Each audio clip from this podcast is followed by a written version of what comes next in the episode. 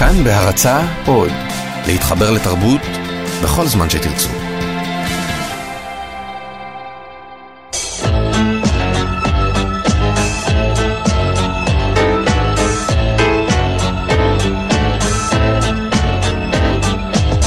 גיבור תרבות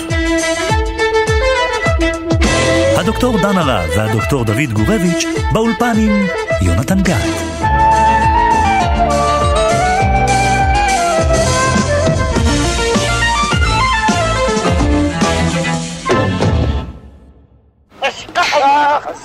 אל תרביץ. לא להרביץ, אה? הייתי צריך לפני עשרים שנה שבאת הנה לשבור לך את העצמות.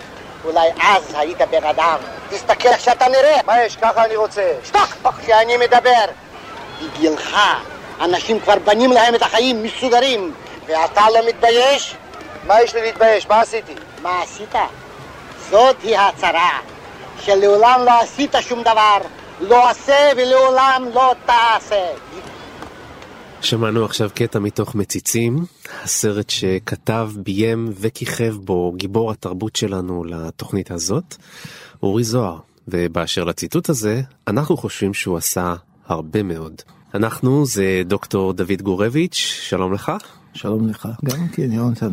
ושלום אה, לדוקטור אה, דן הרב. שלום יונתן. אה, כן, כבר אמרתם, אני יונתן גת, אה, ואנחנו כרגיל עוסקים כאן בכל שבוע בגיבור תרבות בולט, משפיע, חשוב. וכשחשבנו ביחד מיהו הגיבור הישראלי הראשון שאנחנו רוצים לדבר עליו, אה, לא היה לנו ספק במי אנחנו בוחרים. אז נשאל קודם כל למה האיש הזה בן ה-81 היום שנמצא כל כך הרבה שנים מחוץ לפריים הציבורי, למה הוא עדיין מעניין אותנו? למה השם אורי זוהר מעורר כל כך הרבה אמוציות ותחושות מעורבות? דוד. אתן כמה תשובות. תשובה ראשונה, מפני שהוא מסמן את סמל הנעורים האבודים הישראלים בכל סרטיו. בצורה כזאת ואחרת. תשובה שנייה, משום שהוא מסמן לנו את האובססיה הלאומית שלנו. לשאול כל הזמן מה זה להיות ישראלי, מה זה לאכול הגרעינים בעפולה, מה זה זה, איזה פלאפל יש הכי טוב בתל אביב, וכאלה שטויות שמגדירות את הישראליות. הוא ידע לטפל בבעיות האלה וגם לצחוק וללעוג עליהם. הוא ייצג את המשבר שלהם. Mm-hmm. שמבחינתו זה היה גם יציאה מהקולנוע ועזיבה לסוג אחר של מגזריות ישראלית, כיוון החרדי. תשובה שלישית, מפני שהוא היה עשה סרטים נהדרים שהיוו כאילו את ה... הייתי אומר את הזיכרון שלנו, את הזיכרון המוזיקלי שלנו, את הזיכרון של הנעורים שלנו לפחות. ו... זה מעניין, אני רציתי להגיד לפחות עבורי, אבל אני מאמין שזה גם עבור הילדים שלי ועבור אנשים יותר צעירים שלא חיו באותה תקופה הזאת. מה שאומר שאורי זוהר היה מיתולוגיה, וישנו, קיים כמיתולוגיה. דן. תראה, קוראים לו אורי, קוראים לו אורי זוהר, קוראים לו הרב אורי זוהר. כן. ואני חושב שבתוך הדבר הזה נמצא הכל. אורי אורי זה השם הישראלי האולטימטיבי, זה הבן אדם, זה הכל מתחיל מאורי, אורי מגיע מן הים, אורי ממציא כן. בעצם את ה... כמו אורי את מגיע, הלך בשדות. אורי הלך בשדות, בשדות, כן, אורי זה, זה, זה, זה ישראל של פעם, זה ישראל הקולקטיביסטית, זה ישראל של ההתיישבות העובדת, זה ישראל של מלחמת השחרור, זה ישראל ש, שאולי לא הייתה אף פעם, כמו שאלי מוהר אומר, כך זה הצטייר בילדותנו, אולי לא הייתה אף פעם, אבל אנחנו עדיין מתגעגעים לישראליות הזאת, זה אורי. זוהר, דוד דיבר על זה, זה, זה הפרפורמטיביות, זה הקסם, זה אני ה... יפה, אני יפה, בדיוק, זה ה... זאת, זאת הבמה, זה, ה... זה, זה בצל ירוק, זה להקת הנחל, זה, זה הטלוויזיה, זה הקולנוע, זה תמיד הזוהר. ובסוף זה נגמר ברב אורי זוהר, שזה אולי המקום שהישראליות המדומיינת הזאת, או האמיתית, כל אחד יחליט, הולכת אליו. הולכת למשהו אחר. משהו אחר ממה שהובטח, משהו אחר ממה שחשבנו שיהיה פה. בוא נגיד שזה גם פנייה היסטורית, אם אני מותר לי להגיב על מה שאתה אומר, כי בפועל הישראליות באופן כללי הצביעה על אותו כיוון שאורי זוהר כבר הצביע עליו ב-77. כן. כלומר, יותר התחרדות, יותר לאומיות ויותר ביקורת כלפי אותו חלום ציוני כן. של נעורים ראשונים. אנחנו תכף ניגע בכל אלה, אבל בואו רק נגיד למאזיננו. שהוא נולד כאורי ז'דק, כן? בן להורים פולניים, צבר תל אביבי, כיכב בלהקת הנחל, למד פילוסופיה, ביים 12-13 סרטים, תלוי איך סופרים, הנהיג את להקת לול, וב-1977 אכן חתך אל העולם החרדי, ובשנת 1992 כבר ביים את סרטי התעמולה של ש"ס. פם פרם פם איי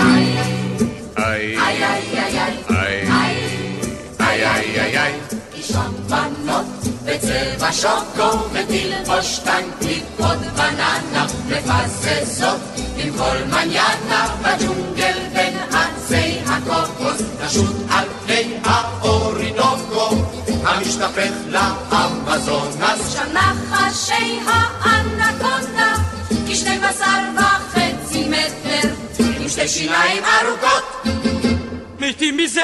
תוך שתי דקות אם כך אולי תברח לצ'ילי ונצואלה, ונצואלה אני ואין לי צ'ילי מילי ונצואלה, ונצואלה ונצואלה אין דומה לה עולה פם פרם פם איי אז כדי להבין את התופעה הזאת של אורי זוהר, אני חושב שכדאי שניגע רגע בשורשים, מאיפה הוא מתחיל את דרכו. להקת הנחל, כמו שכולם צריכים להתחיל את הדרך שלהם, כי בישראל מתחילים תמיד מלהקה צבאית, בוודאי באותה תקופה, כן. אה, סוף שנות החמישים, שם איפשהו, וכל הכישרונות הצעירים הישראלים, כל אנשי הבימה באים משם, הם באים משם, אריק איינשטיין היה שם, אה, ואורי זוהר היה שם, וחיים טופול היה שם, וכל מי שיהפוך אחר כך לאושיות של הבידור והתיאטרון והקולנוע הישראלי, ואחר כך כמובן גידי גוב היה שם בתקופה יותר מאוחרת וכיוצא בזה. הוא מתחיל מהמקום של הישראליות שהוא תמיד המקום של הצבא אבל זה גם המקום של הנעורים בצבא ונעורים נפגשים ביניהם זו אותה תקופה זה המיתוס הישראלי ולכן הוא מייצר בעצם את המיתולוגיה הראשונית הזאת ואיתה הוא מגיע בעצם לעשייה שלו התרבותית בתחילת שנות ה-60 פה במדינה. זה נכון שזה מתחיל מהצבא זה מתחיל עוד קודם מתנועת הנוער מה. אה, הצבא זה סוג של תנועת נוער נכון, כזאת, אתה יודע, יותר כזאת. מהנוער העובד. אה, ומה שמעניין, אפרופו להקת הנחל, זה נכון שהוא היה דמות מאוד מאוד מרכזית בלהקה, ויחד עם זאת, כששומעים שירים או מסתכלים על לא אה, סרטים שם? מן התקופה הזאת, הוא לא בן אדם שנמצא בפרונט, לא, אנחנו לא יכולים לדבר לא על... נתנו לו סולו בלהקת הנחל? לא, לא, אנחנו לא יכולים לדבר על סולו שלו, אנחנו לא רואים אותו במעט הצילומים שנותרו מן התקופה הזאת. אבל הוא לא היה בשוליים, מתוך עדויות של אנשים שהיו בלהקה בתקופה ההיא, ידוע שהוא היה הרוח החיה, וזה אולי דבר שגם ימשיך להעסיק אותנו בהמשך, ואנחנו נראה כמה האיש הזה הוא מרכזי בתוך קהילה, בתוך מרקם, בתוך... בתור דבק אולי של קהילה של יוצרים זה כמובן קורה בחבורת לול כמה ש... 20 שנה מאוחר יותר אבל זה קורה גם לאורך כל הדרך דרך כל העשייה שלו הוא דמות מאוד מאוד אינסטרומנטלית דמות מאוד מאוד מרכזית. יחד הוא עם זאת בעצם הגורו של החבורה. כן, כן. ואני יודע למה הוא היה גורו, כי הוא היה בו איזה מין אה, חוכמה אינטלקטואלית מצד אחד, ומין חברמניות ישראלית כזאת מצד שני, וגם הומור, הוא היה כן. משגע מבחינה קומית. כן. זאת אומרת, וכל התכונות הללו הפכה אותו, הפך אותו בעצם ל... מנהיג קומונה של בדרנים, של אמנים. בדיוק ככה, אני חושב שההגדרה שלך היא מצוינת. קומונה כזאת, מין תנועת נוער אבל בקטן, נכון, בשנות ה-60 מתחילים העישונים, מתחיל הצריף של אה, אביגדור, מתחילים שנות ה-60 בגרסה הישראלית, שם עדיין הוא ממשיך להיות הגורו, אז הוא עובר מהצבא להיות מגורו למצב שבו הוא מנהיג קומי, למצב שהוא מנהיג של הסטלנים האלה בחוף תל אביב, דבר שבא לידי ביטוי אחר כך ביקורתי בסרטים כמו מציצים וכאלה. אבל תמיד הוא במרכז, כי הוא, הוא, הוא כאילו המוח שמאחורי החבורה. Fritzi, wo bist du? Komm doch, Fritzi! Papa, ich bin doch da, Papa. Ah. Ach, Peppi, das ist doch Eretz Israel, Shalom Palästina. Eretz Israel, unsere Papi. Wo ist der Professor Aberbuch? Wo ist Professor Salzburg? Und wer ist der Doktor Salzburg? Dr. Aberbuch. Also Dr. Aberbuch. Uh, uh. Dankeschön, Shabanu Baaretz. Papi? Ja? Sie Palästina? Ja. אבל זה הכל חול, פאפה. אנחנו נבריח השממה, Dummkopf. תראה את היקס. דנקשן, ביטשן, ביטשן, דנקשן. זה דוקטור, זה פרופסור, וזה, הנה עמדין בבור לג'בום. יקה פוץ. שמענו את אורי זוהר באחד הקטעים הקומיים הבלתי נשכחים מתוך uh, לול יחד עם uh, הצוות שלו שם אריק איינשטיין צבי שיסל ואחרים. אנחנו מדברים עליו כפרפורמר שהוא גם איש צוות עם uh, יתר uh, הבדרנים אבל מנהיג זה שגונב את ההצגה. אבל לי יש סיפור אחר קצת עליו אני פגשתי אותו לפני שנה במסגרת ספר שאני כותב על uh, אודות חייו של שייקה אופיר זיכרונו לברכה. הגעתי לבית שלו בשכונה חרדית בירושלים, בית קטן מאוד, 30 מטר במקסימום. אנשים מחכים לחוץ לדלת שלו, מחכים לברכה, מחכים לעצה. וכשנכנסתי ודיברתי איתו על התקופה הזאת שהוא הופיע ביחד עם שייקי אופיר אה, באופן רצוף, הוא מיד אמר שעם שייקי הוא תמיד היה כינור שני. זה דבר מאוד מעניין כי הוא תמיד היה מלך. אבל רק ליד שייקי אופיר איך הוא הסביר את זה? זה כנראה אה, הוא ראה בשייקי אופיר כמורה דרך. מה במה במה יש גדול מבחינתו יותר? ביכולת הווירטואוזית והאלתורית של שייקי אופיר לקחת כל סיטואציה ולהפוך אותה למצחיקה כאילו כמעט בכלל בלי להתאמץ. אני חושב ש... שהוא קצת קינה בשייקי אופיר על זה שאצלו זה באמת בא מאוד אלגנטי וקליל. לגמרי. אצל אורי זוהר זה תמיד יצא קצת יותר גס. אני, אני חושב שזה שתי למרות שגם שייקי אופיר היה בלהקה צבאית הוא היה בצ'יזבטרון הם באים משתי דיסציפלינות שונות לחלוטין. הוא למד מרסל מרסו כזה, פנטומימה שזה האומנות מעודנת זה מה שאתה אומר. למד אצל אטיאן דקרו כן. כן זה זה שתי אורי זוהר בא מהקומזיץ. הוא בא מהחבר'ה הוא בא מהגסות העדויות על ההתנהגות שלו בלהקת הנחל הן מצמררות עד היום באמת משהו האיש הזה הרשה לעצמו מבחינת בוטות ומבחינת אבל היה בו המון חן ואנשים אהבו את זה. שייקה אופיר בדיוק כמו שאמרת הוא משהו אחר לגמרי אומנות של צמצום. Mm-hmm. אומנות של שמגיעה מאירופה זה משהו אחר זה להגיד המון עם מבט או עם משהו קטן בפיזיונומיה כן. זה לא הרבה יותר מזה אבל איזה עוצמה. זה שתי תרבויות שונות לחלוטין שכנראה לא יכולות להתחבר ואורי זוהר לקח צעד לאחור אם להתחבר לסיפור שלך. ואף על פי כן אם מותר לי להתערב אני מסכים לכל מה שאתם אמרתם. בשלב מסוים הוא היה מאוד סרקסטי כלפי אותו דמות של בדרן מצחיק הרבה וכזה. יותר מאוחר. הרבה יותר מאוחר, אני מדבר בסרטים שלו כבר, בטרילוגיה שם, כן. לקחו מציצים, כשרואים אותו יושב ומשתין ככה בקשת שם, בסצנה מפורסמת שם. כן. גם בעיניים גדולות. ועיניים גדולות, נכון. אז איכשהו הוא יסר לעצמו פירוק של הדמות של עצמו, בתור המצחיקן, בתור הבדרן, בתור איש של החבר'ה. כי הוא, הוא הבין שזה לא המקום האמיתי. עכשיו, הוא נשאר בזיכרון גם בתור הראשון וגם בתור השני, זאת אומרת, גם כאיש הזה שיצר את המיתולוגיה של הצחוק והנעורים הישראלים, במובן הזה הוא היה לגמרי קונפורמיסט, כי זה, הוא אהב לצחוק. כמו שהישראלים אוהבים לצחוק על עצמם, אני לא זוכר אצלו שום צחוק על הישראלים, אלא צחוק... אה, כאלה צחוקים פשוטים שהישראלים אוהבים וכמובן שהוא לא ירד באופן ביקורתי על לא לו צחוק סאטירי בכלל לא היה בו סאטירה פנימית עצמית וכמו שלא היה לו בכלל את זה בשלב הראשון של החיים שלו. בשלב מסוים הוא התחיל לקחת עצמו ברצינות כאומן ואז הוא התחיל לצחוק לא על האחרים לא על הישראלים אלא על עצמו. דוד אתה יודע ואז הוא היה באמת ביקורתי. אתה יודע שמה שאתה מציג הוא נכון. כך נדמה לי אני לא יודע. כן, אבל אתה יודע מה בוא תראה אנשים צעירים צופים במציצים היום. אוקיי? אני ממש לא בטוח שהם רואים את הדבר הזה שאתה מדבר עליו. אני לא בטוח שהם רואים את הביקורת, הם רואים את הדבר עצמו, הם רואים את הפריפורמר, הם רואים את הגסות, הם רואים את הבוטות, והם מתחברים אליה בהמון אהבה, כי, אז... זה, כי זה סרט נפלא. אני חושב שהפרשנות הזאת ש... רואה את מציצים ואת הטרילוגיה בכלל כסרטים ביקורתיים עצמיים היא נכונה אבל אני לא בטוח שהיא משתקפת בצורה כל כך ברורה כמו שאתה מתאר אותה. טוב כאן אני כאילו נותן יותר קרדיט לצופה הצעיר יותר ממך אתה יותר מסויג לזה אני יכול להבין מה אתה אומר אבל אני חושב כשאתה רואה את הדמות שלו שהוא בונה אז כל אדם צעיר אם הוא קצת אינטליגנטי מבין שהוא מבקר את הדמות של עצמו שאותה הוא מביים. הוא לא הגיבור, הוא זה שהחיים שלו הרוסים, במציצים הוא לא, הוא בסך הכל אדם בן 40, אין לו בית, אין לו כלום, ומציץ לזקנות חסרות אופי וחסרות מיניות. ובסופו של דבר כשהוא אומר לאריק איינשטיין מה אתה הולך ומחפש אישה אחרת, יש לך אישה כזאת יפה, תחזור לבית שלך. בעצם הוא מדבר לעצמו, אפילו אין אישה, אפילו אין לו דוד. בית, והוא נער מתבגר בגיל 13, שכרגע הוא נראה בן אדם שמנמן כזה שמשתין שם לכל כיוון.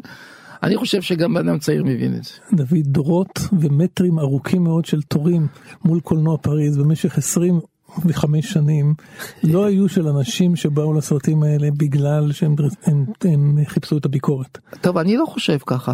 אני חושב שאנשים יכולים גם ליהנות מהצד זה הזה, נכון, זה וגם, נכון, כלומר, כן. אני נהנה משניהם, ואני- ולמה שאנשים צעירים לא ייהנו משני העולמות? זה- אתה יודע, זה נשמע רע, כאילו אנחנו אנשים מבוגרים מדברים על אנשים צעירים באיזה מין התנסות כזאת, וזה. אני לא מדבר, לא מדבר על אתה אנשים על צעירים, אנשים צעירים, אני כן. רק אומר הפרשנות הזאת של הטרילוגיה כטרילוגיה ביקורתית היא משהו שמתפתח בשנים האחרונות כתולדה א' משינויים שאנחנו עוברים בחברה שלנו וגם כן הבנה של מה, מה של הדרך שאורי זוהר עשה. כן, נכון, זה- לא, זה- אבל זה לא רק מזה, זה, זה בעיניי קודם כל הבנה של ניתוח הסרטים, זאת האמת, לא רק איזושהי ידיעה חוץ אה, קולנועית שאומרת החברה עברה משבר והנה הוא דוד, ייצג כשהסרטים אותה. האלה יצאו, הם זכו לביקורות גרועות ביותר. אוקיי? הם זכו, הם, הם, זה היה נראה כמו סרטים שעשו פרחחים, שאין בה בסרטים האלה שום מסר. נכון, זה אותו שום... דין היה גם בסרטי בורקס. האנשים לא. האלה כמו צ'רלי וחצי עכשיו זוכים לתחייה מחדש ונתפסים כסרטים לא, אבל דוד. אבל דוד מציצים גם נכשל קופתית. התורים רק באו אה, שנים אחר אחר כך. ב- ב- ב- הצעירים לא נהו לסרט הזה בהתחלה. הבנתי, טוב, אני לא יודע לה- להחליט, אני חושב ששני הדברים האלה קיימים אצלו.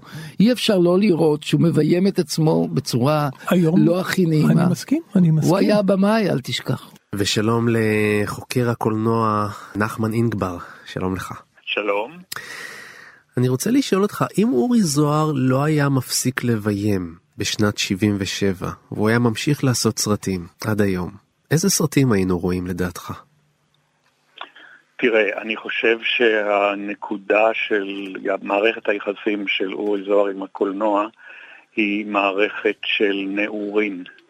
כל מה שקשור עם המושג נעורים והתבגרות קיים בקולנוע של אורי זוהר. כיוון שהוא פנה לאפיקים אחרים ונטש את הקולנוע, נשאר הדימוי של הצעיר הנצחי. אני מאמין שאילו אורי זוהר היה ממשיך לעשות קולנוע, הוא היה מתבגר יחד עם הסרטים שלו. הוא התבגר מול עינינו גם כשהוא עשה את הסרטים על, אה, נקרא להם, משובות הנעורים, על ה... אה, הטרילוגיה שלו. הטרילוגיה שלו, המציצים, אה, בני פורמן, אצילות המציל, גם כן, כאילו ההתרסקות הנעורים, כאילו לאן הם הגיעו אנשים בני 40 נכון. ככה, פחות או יותר. נכון, בעיניי השיא הוא עיניים גדולות, אה, שהוא הסרט השני בטרילוגיה, ואני אני מאמין שהוא היה מתפתח יחד עם הסרטים שהוא היה עושה. אתה לא עושה בגיל 35 את הסרטים שאתה עושה בגיל 55, ולכן חבל שלא יכולנו לראות את התהליך שהוא היה עובר. חלק מהישראליות, שהוא היה אולי המבטא הכי מוצלח שלה בקולנוע, חסר לנו. נחמן, רציתי לשאול אותך קצת על הדברים שמעניינים אותך, כמו המבע הקולנועי. איך היית מגדיר את, את זוהר? הוא עשה כל כך הרבה דברים שונים. חור בלבנה מצד אחד, שהוא סרט אקספרימנטלי אוונגרדיסטי כזה, ומצד שני סרטים, סרטי סוכנות, סרטי הסברה. הוא עשה סרט מלחמה בכלל, אה, כל ממזר מלך, ועשה את הטרילוגיה שדיברנו עליה. באמצע הוא עשה את שלושה ימים וילד שהזכרת גם, משהו אירופאי כזה, רגישות חדשה מה שנקרא. מה, מה, מה, יש לו איזה חותם ייחודי כ- כיוצר, כ- כעותר? לזה אני מתכוון. אם אתה מתכוון למבע, אז אני לא חושב שאני יכול למצוא אצלו אה, מבע ייחודי. בכמה מן הסרטים אני חשבתי שהוא חוקר, אה, אה, כמו שהיה מקובל, אתה יודע, בבניין של האומנות הישראלית, את המרכיבים של אומנות ישראלית, כמו שהציור הישראלי בדק מה זה אור ישראלי, מה זה צבע ישראלי. גם הוא עשה את זה, אבל לצערי הוא עשה את זה בסרט אחד, כשהוא יחד עם הצלם שלו, דוד גורפינקל, עשו את שלושה ימים וילד, וניסו לתאר את התאורה הבוהקת של האזור שלנו. יש את זה גם בחור בלבנה. אבל אחד הדברים שמאפיינים אותו זה חוסר היציבות, כן. הוא לא היה יציב. אבל אני חושב שכן הייתה לו יציבות, אבל אולי לא מבחינת המבע הקולנועי, אבל מבחינת החקירה של גבריות ישראלית, נשיות ישראלית, בכלל את הישראליות, בזה הוא היה יציב, גם בסרטים היותר מסחריים שלו, גם ביותר אוונגרדים, גם היותר קרובים לקהל וגם היותר רחוקים. נכון. הוא יכול להציג רגישות נשית כל כך עמוקה בסרט כמו שלושה ימים וילד ולהציג מצ'ואיזם קיצוני כמו במציצים. כל ההיבטים אבל זה כבר מתוך תיעוב עצמי מסוים במציצים, שים לב, זה כבר חלק מהמשבר, הרי הוא מצלם את עצמו בצורה הנוראית ביותר. אתה לא חושב?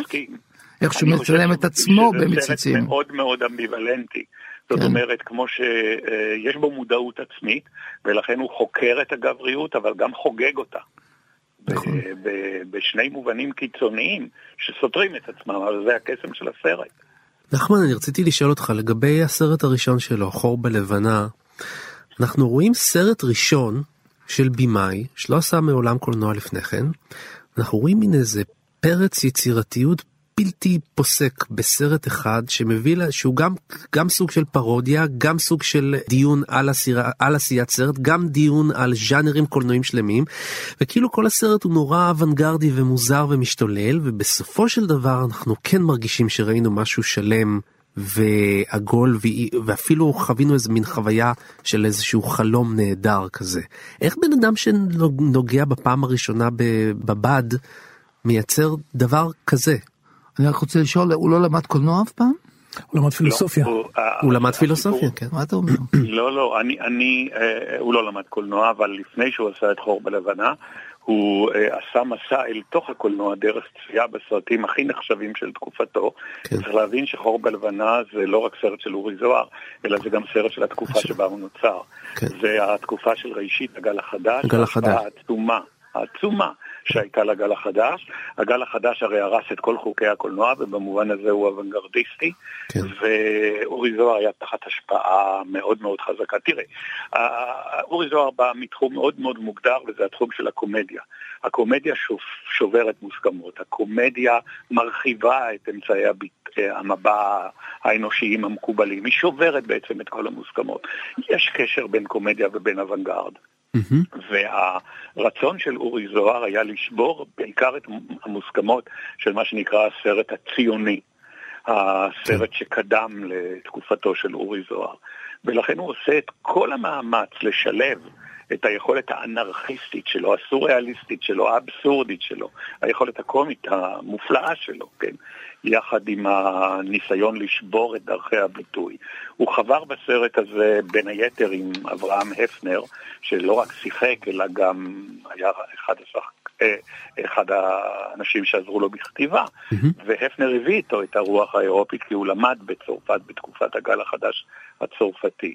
ולכן השילוב של שתי המסורות האלה יצר סרט באמת מיוחד במינו, ואני מסכים איתך שהתוצאה הסופית היא לא בלאגן, היא לא תחושה של אנרכיה, אלא באמת תחושה של משהו שלם.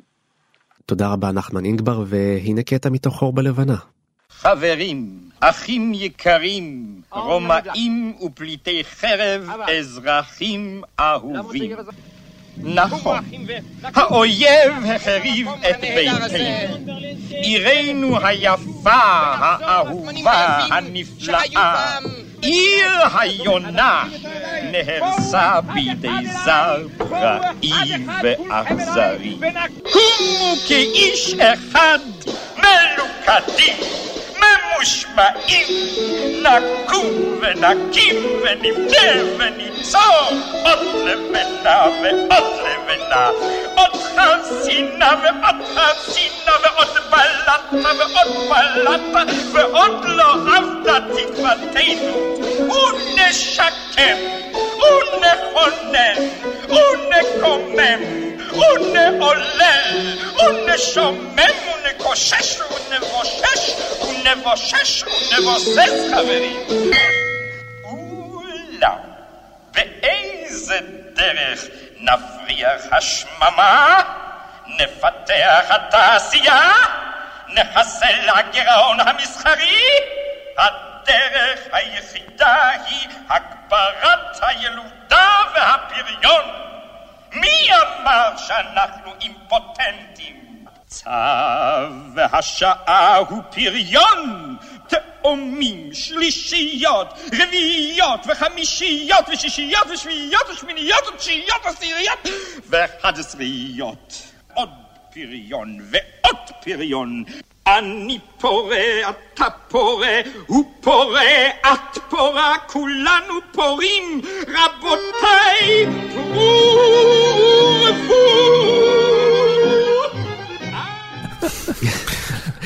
אני הפתעתי פה את החברים עם הקטע הם לא התכוננו לו ואנחנו כולנו פה אה, די התפוצצנו מצחוק באולפן. דוד מה הרשמים הרשמיך? עשית לנו אמבוש רציני אבל אני חושב שיש לי שלוש תשובות לכתב החידה ששמת לנו כאילו. תראה, יש פה פרודיה משולשת. אחד, פרודיה על אלתרמן, עיר היונה זה קובץ שיריו המפורסם של אלתרמן והיותו משורר החצר של הציונות וכיוצא בזה. אז זה בקטנה, כמובן יש את הפרודיה על הציונות, כלומר אה, גירוש. אה, אני אומר גירוש הערבים, אבל לא צריך להגיד את זה, הפוך. אה, גירוש השממה, ביעור השממה, בניית הערים, המפעל הציוני וכיוצא בזה. במובן הזה יש בזה פרודיה אפלה גם על. על, המל... על, ה... על האינסטינקט הציוני, כאשר יענו אותנו כן נבנה וכן נפרוץ, יהרסו לנו עמונה נבנה 10 עמונות, יעמדו לנו 20 עמונות נבנה 40 עמונות, ועד עכשיו זה מתגלגל גלגולו של ניגון, אתה רואה מ-62 ועד היום, נשמע לך מאוד מוכר היום, זו התשובה הציונית ההולמת, היא עוד בנייה יגיד מי שיגיד. לא נאמר שמות פה במובן הזה. אז יש לך פה את הפרודיה הציונית, חכה, ויש את הפרודיה על שנות ה-60, שזה כי משם הוא בא. וזה מתקרב לעניין של הפריון, ושם הוא מתחיל בשלישיות, ברביעיות, בחמישיות, אורגיה, אווירת האורגיה של שנות ה-60, שהיא גם חלק מההתכתבות שלו בתוך הדבר. אני מקבל פה... מתנת אריזה פרודית בשלושה כיוונים, ו... וכמובן מליצה ציונית אינסופית שמערבבת הכל הכל בכל, באותו קול בכייני נחמד ומתענג מעצמו ולא אומר כלום. בדיוק, לצד הנאום הזה שמעת עוד המון רעשי רקע ושמעת בדיוק, משהו שהוא מאוד מאוד לא קוהרנטי ומאוד מאוד לא, אה, אתה יודע, ישיר, וזה בעצם הפרודיה הרביעית אם תרצה, שהיא במידה רבה הפרודיה על הסיפור, mm-hmm. על, ה, על הנרטיב, הפרודיה על הסיפור המהודק, הנאום הרהוט. יפה. הסדור שמתחיל ונגמר ויש לו איזה שיא פרודיה ארץ פואטית. בדיוק. אתה יודע מה זה? אה, וזה, וזה הסיפור של חור בלבנה. דוגמה, דוגמה נהדרת יונתן שסידרת לנו פה. כי היא באמת אה, על רדיופונית. אנחנו לא, לא, לא רואים את הדימויים ולא רואים את הסרט אבל מבינים את הרוח שלו. אומר... עד כמה הרוח שלו היא, היא פרועה ולא מצייתת לשום קוד אה, סיפורי אה, אה, מוכר. אה, ערבוביה אינסופית. אינסופית של ז'אנרים, ערבוביה אינסופית של זמנים, של נכון. דמויות ו- וכן הלאה. והנה אתה רואה, אתה צודק דני, ובכל זאת, אה, כמו שיונתן אומר, אה, זה יוצר קוהרנטי. זאת כן. אומרת, אתה יכול מיד לראות שהפרודיה מחברת בין כולם, והפרודיה יוצרת את הרצף הנרטיבי, שאומנם לא רצף כזה הגיוני, כאילו אבסורדי, ומתכתב עם עצמו ועם המון מסורות ואתה מבין את הנוסחה זאת אומרת לכן נוצרת לך התחושה מצד אחד של בידור פירוק צחוק כזה משתחרר וגם איזושהי הבנה ביקורת וסאטירה הוא לא חזר כל כך חזק לסאטירה הזאת הטוטלית והכוללת אלא בצורות יותר קטנות בהמשך. לא, אותי זה מעניין היכולת הזאת ב-64 74. ב-64 להוציא את הטקסט הזה. סרט הביקורים שלו. כן, כן. אה, זה מעניין. בוא לא נשכח, האיש היה אדם, אה, אתה יודע, בין לבין, הוא השתחרר מהצבא, הוא... הוא אמנם הופיע, המשיך להופיע. בן כמה הוא היה שעושה את, הוא היה צעיר, לא? בן 30, משהו כזה? גיל 29. 29, 30, איזה יופי. כן. הלוואי עלינו מה שנקרא. אבל הסרט הזה לא מרמז שום דבר על הבאות. אני לא בטוח, אני לא בטוח, זה כן? נכון שהוא עשה עוד המון דברים אחרים, אבל אני חושב שהיסוד החתרני הזה כן היה שם. אני מסכים כן עם דני, תחשוב רגע, ביקורת על הישראליות. הייתה שם, כן. ובגדול אתה הבאת לנו את הקטע המפתח הזה שסיכם את הכל. וגם ה experiment הקולנועי היה שם וגם היה בהמשך, אולי לא בצורה כל כך קיצונית, בוודאי, בוודאי. שזה היה המשך הטבעי experimental ברוח של, אתה יודע, של הרגישות החדשה מצד אחד ושל הגל החדש מצד שני, אבל אחר כך גם ברמה התמטית יותר, בטרילוגיות היותר מאוחרות של שנות ה-70 של מציצים וכאלה, ביקורת על המיתוס הישראלי, על הים, על אורי עצמו הוא ביקר, כי האיש הזה עם החסקה שהוא כל כך ישראלי. הוא נובדי הוא אפס. אגב אני חוזר לתזה שלי הזאת כן. אז אני רק רוצה להגיד לך שהכל מתחבר להכל. וגם על סרטים אחרים שבכלל לא מדברים עליהם, אני יודע, כל ממזר מלך זה גם שלו, לא? נכון, כל ממזר מלך הוא סרט... מה אתה אומר על זה? נכון, כל ממזר מלך הוא סרט, אה, כמעט היית אומר סרט אה, שמדבר בשם האתוס. זה סרט פוסט, זה 68, אנחנו בתוך האופוריה של... מצ'ואיסטי כזה כאילו. כן, כן. התרנגול זה גם שלו? כן, גם התרנגול, גם כל ממזר מלך.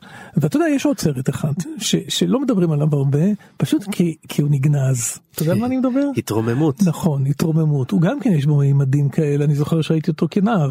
אה, יש בו מימדים כאלה אוונגרדיסטים באיזשהו רק אופן. נגיד זה סרט בכיכובם של שלישיית הגשש החיוור, נכון. שנגנז לבקשתם, כלומר... לא לבקשתם, לדרישתם. לדר- לדרישתם. זה סרט שהם מתארים אותו כענן עשן של מריחואנה שלא קורה שהכל היה שם די מעופף. כן, הם, הם אה, תיארו את שלישי- הסרט הזה כסרט מביש. אה, רק נספר, הכוונה היא של גברים שעושים שם? מסיבת חילופי זוגות, ניסיון לעשות חילופי זוגות וזה התמה הקומית כאילו של הסרט, הם טוענים שאורי זוהר היה עמוק בתוך הענן הירוק. כן. ככה ש, שבאמת אפשר להגיד שהבן אדם עשה כאילו מגוון של ז'אנרים, עבד במגוון של פלטפורמות. אבל הייתה אחדות מ- ביצירה שלו. והייתה זה מה אחדות. שאנחנו מגלים היום, גם אחדות סגנונית, כמו כן. שראינו, אקספרימנטליות, מבע, וגם אחדות בתוכן, כלומר ב- ברעיון של המיתוס של הישראליות. כן.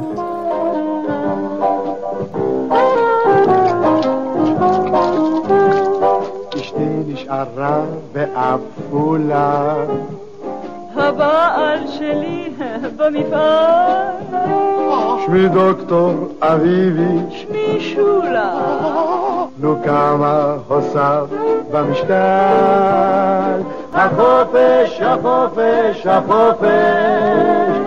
החופש בבית הבראה?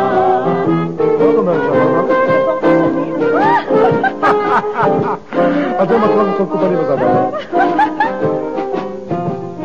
האוכל בכלל כאן בסדר, רובנסקי הציג כאן לא רע, ניגש קצת אלייך לחדר אה? אוי, נחה שם עוד חברה.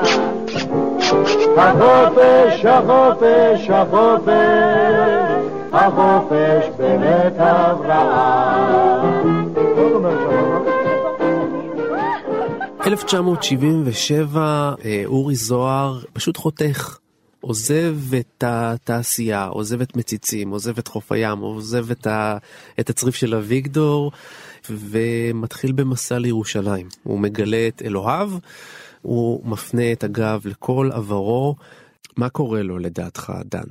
קודם כל יונתן, אני חושב שהייתי מתחיל לא מ-77, אלא מ-67. אני חושב ששם או. מתרחשת רעידת האדמה, כן. גם בחייו של זוהר. וגם בחיינו שלנו, ואני חושב שמשם צריך לדבר. אתה יודע, ב-67 הוא עושה קצת לפני המלחמה את שלושה ימים וילד. כן. הדבר האירופאי המעודן, הכל כך עדין ו- ו- ונוגע ללב הזה. עם, אה, בכיכובו של ו- עודד קוטלר. לא, בכיכובו של כן. עודד קוטלר, וזמן קצר אחרי זה פורצת מלחמת ששת הימים. אני לא רוצה לדבר בפומפוזיות, אבל נדמה לי ש, שזה קו השבר בחברה, ואני חושב שמ-67 אתה גם רואה את, ה, את השינוי. אתה רואה שב-70, 71, זוהר כבר עושה את הטרילוגיה שלו, הוא מתחיל את הטרילוגיה שלו. ב-73 אנחנו כבר מדברים על מלחמת יום כיפור. ב-77 המהלך הזה, שאני חושב שוב שכדאי לראות אותו, מתחיל ב-67, ב-68 זוהר עושה את אותו, את כל ממזר מלך. הוא מחובר לגמרי לתוך, ה, לתוך המיתוס, לתוך האתוס הישראלי, המיליטריזם, לתוך כן. המיליטריזם מה וכן השנה? הלאה. מה השנה? 68. וזמן לא ארוך אחר כך הוא עושה כבר סרטים שאפשר כבר לראות את ניצני הביקורת בתוכם, נכון? אנחנו כבר מדברים על מציצים. זמן לא קצר אחרי זה, עיניים גדולות, סרט שהוא ביקורתי בצורה בלתי רגילה על החברה הישראלית, השבעה, זו- הנהנתנית, זו שחיה בשקר עצמי. אגב, תסריט של יעקב שבתאי, צריך גם את זה כן, להגיד. זה מאוד מעניין על זה, אני זה. רוצה להגיד משהו על למה זה. וזה מעניין כי יעקב שבתאי התעסק בדיוק באותם חומרים. אבל בכיוון ההפוך בסופו של דבר. בקץ, בסופו של החלום, החלום הציוני בעצם, החלום כן, אבל- הסוציאליסטי וכן הלאה. אבל כן, זה נכון, אבל מכיוון אחר. זאת אומרת, של נוסטלגיה, של רצון לחזור, של אלגיה, בו שהוא לא תפס את זה כאלגיה, הוא פשוט חתך משם, כמו שאמר יונתן. אוקיי, שבתאי לא לא האריך ימים אחרי זה, ואי אפשר לדעת לאן הוא היה מתגלגל. לא, אני מדבר מבחינת היצירה שלהם. יעקב שבתאי בעיניי אני קצת חושב אחרת כל היצירה שלו זיכרון דברים וסוף דבר וכל כל הדברים הדוד פרץ ממריד הקבצים המפורסמים שלו הם היו כתב כזה כמו שיר אלגי כזה להתפוררות של עולם שלם נכון. של התפוררות הציונות הסוציאליסטית החילונית שבנתה את הארץ הזאת ועכשיו היא הופכת להיות אדם אבוד שמשוטט נכון. שם אוכל שם אוכל במסעדות מסכנות כן. ברחובות מאוד ככה קריטיים של תל אביב. עכשיו אורי זוהר שהיה בדיוק באותו מקום הסיק מסקנות מההתפוררות הזאת. עכשיו אתה יכול כמובן נגד נגדי להגיד הוא לא הספיק להסיק מסקנות ואולי הוא הספיק מסקנות אותו דבר אבל אין לי תשובה לשאלה הזאת אבל נדמה לי שהיצירה שלו מבטאת איזושהי תחושה של החמצה. בעוד שהיצירה של אורי זוהר מבטאת אלטרנטיבה. כלומר היצירה שלו עכשיו היא כבר לא קולנוע, היצירה שלו זה חיי העולם הבא.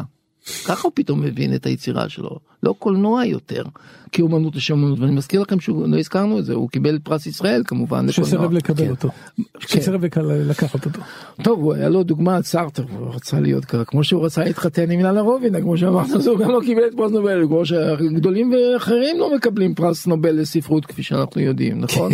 אז הוא הלך אה, אז, והקדים אז. רק, רק לסכם את זה 74 עיניים גדולות אנחנו כבר בתוך, ה, בתוך הביקורת ואז באמת 77 ה- השיא של העניין. אני עוד לפני זה זוכר בטלוויזיה, אתה יודע, הוא הגיש את זה הסוד שלי, וראו את זה בטלוויזיה הרבה מאוד. הוא היה כל הזמן קצת יותר חרדי, אחר כך הוא גידל זקן, אחרי זה הוא נכון, ו- הופיע עם אה, ציציות. כן. וזהו, כל ו- עם ו- ישראל ראה את זה, זאת אומרת, הוא לא היה לו, הוא הופיע ככה. כן, ובתוכניות ציפורי לילה ברדיו הוא כבר היה מקריא אה, קטעי מזמורים וקטעי תהילים וכן הוא הלאה. עדיין היה הבדרן. המצחיק, והוא גם ניסה להצחיק, כי בסוד שלי זה תוכנית בידור, צריכה, אתה יודע, תוכנית טריוויה כזאת. הוא כבר היה אחר. אבל לאיזה צד הוא עבר? העולם הבא. אבל לאיזה צד? לאיזה צד? לאיזה- לעולם הבא. לא, אבל לאיזה צד הוא עבר בעולם החרדי? תשימו לב לאן? לש"ס. והוא, ש"ס. ז'אדק, הפולני, שהיה אמור להתחבר כל כך יפה לליטאים, או ל...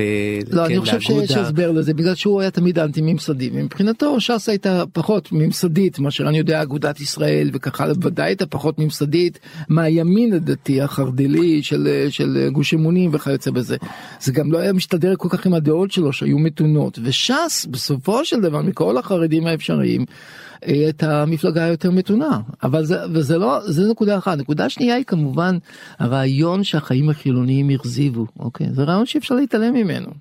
נמצא לדעתי בסרטים שלו נמצא בכל דבר אצלו והרעיון שהקולנוע לא יציל אותו אומנות פעם חשבה שהיא תציל את העולם. גם הוא חשב ככה. ב-77 הוא לא חשב ככה.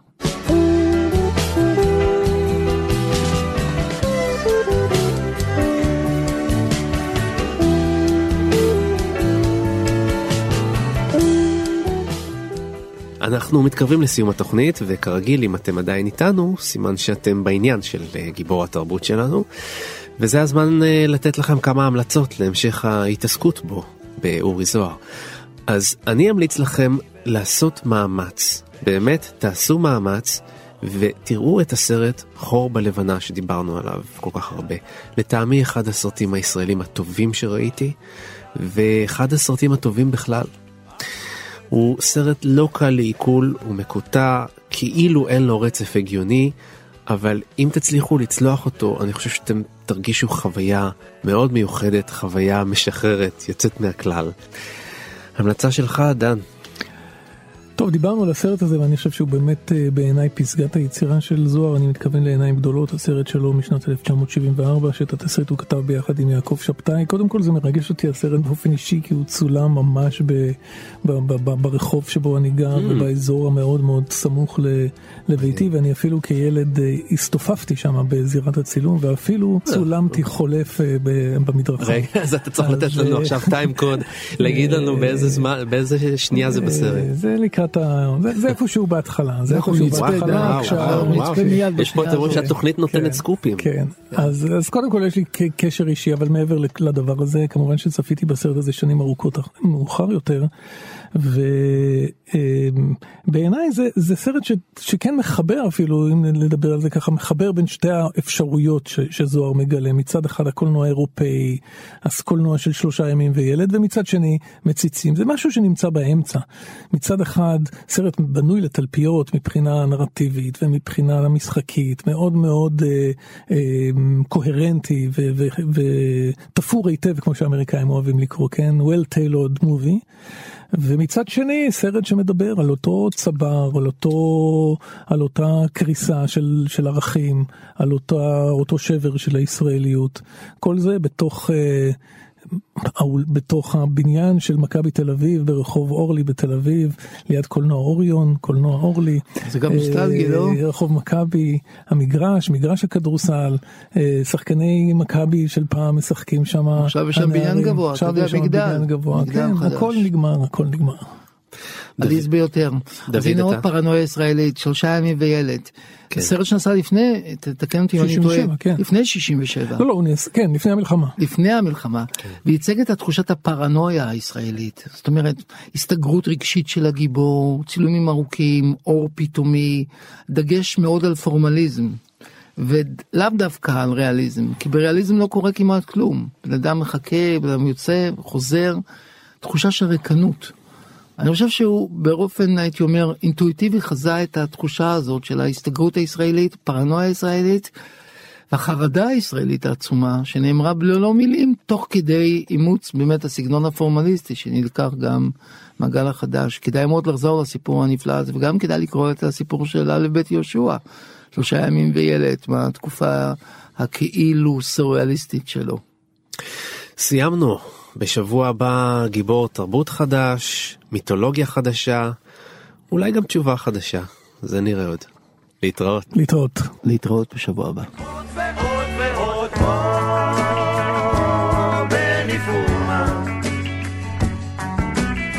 הכל עצוב מתוך הפרח, שתית הכל עצוב יבש הפרח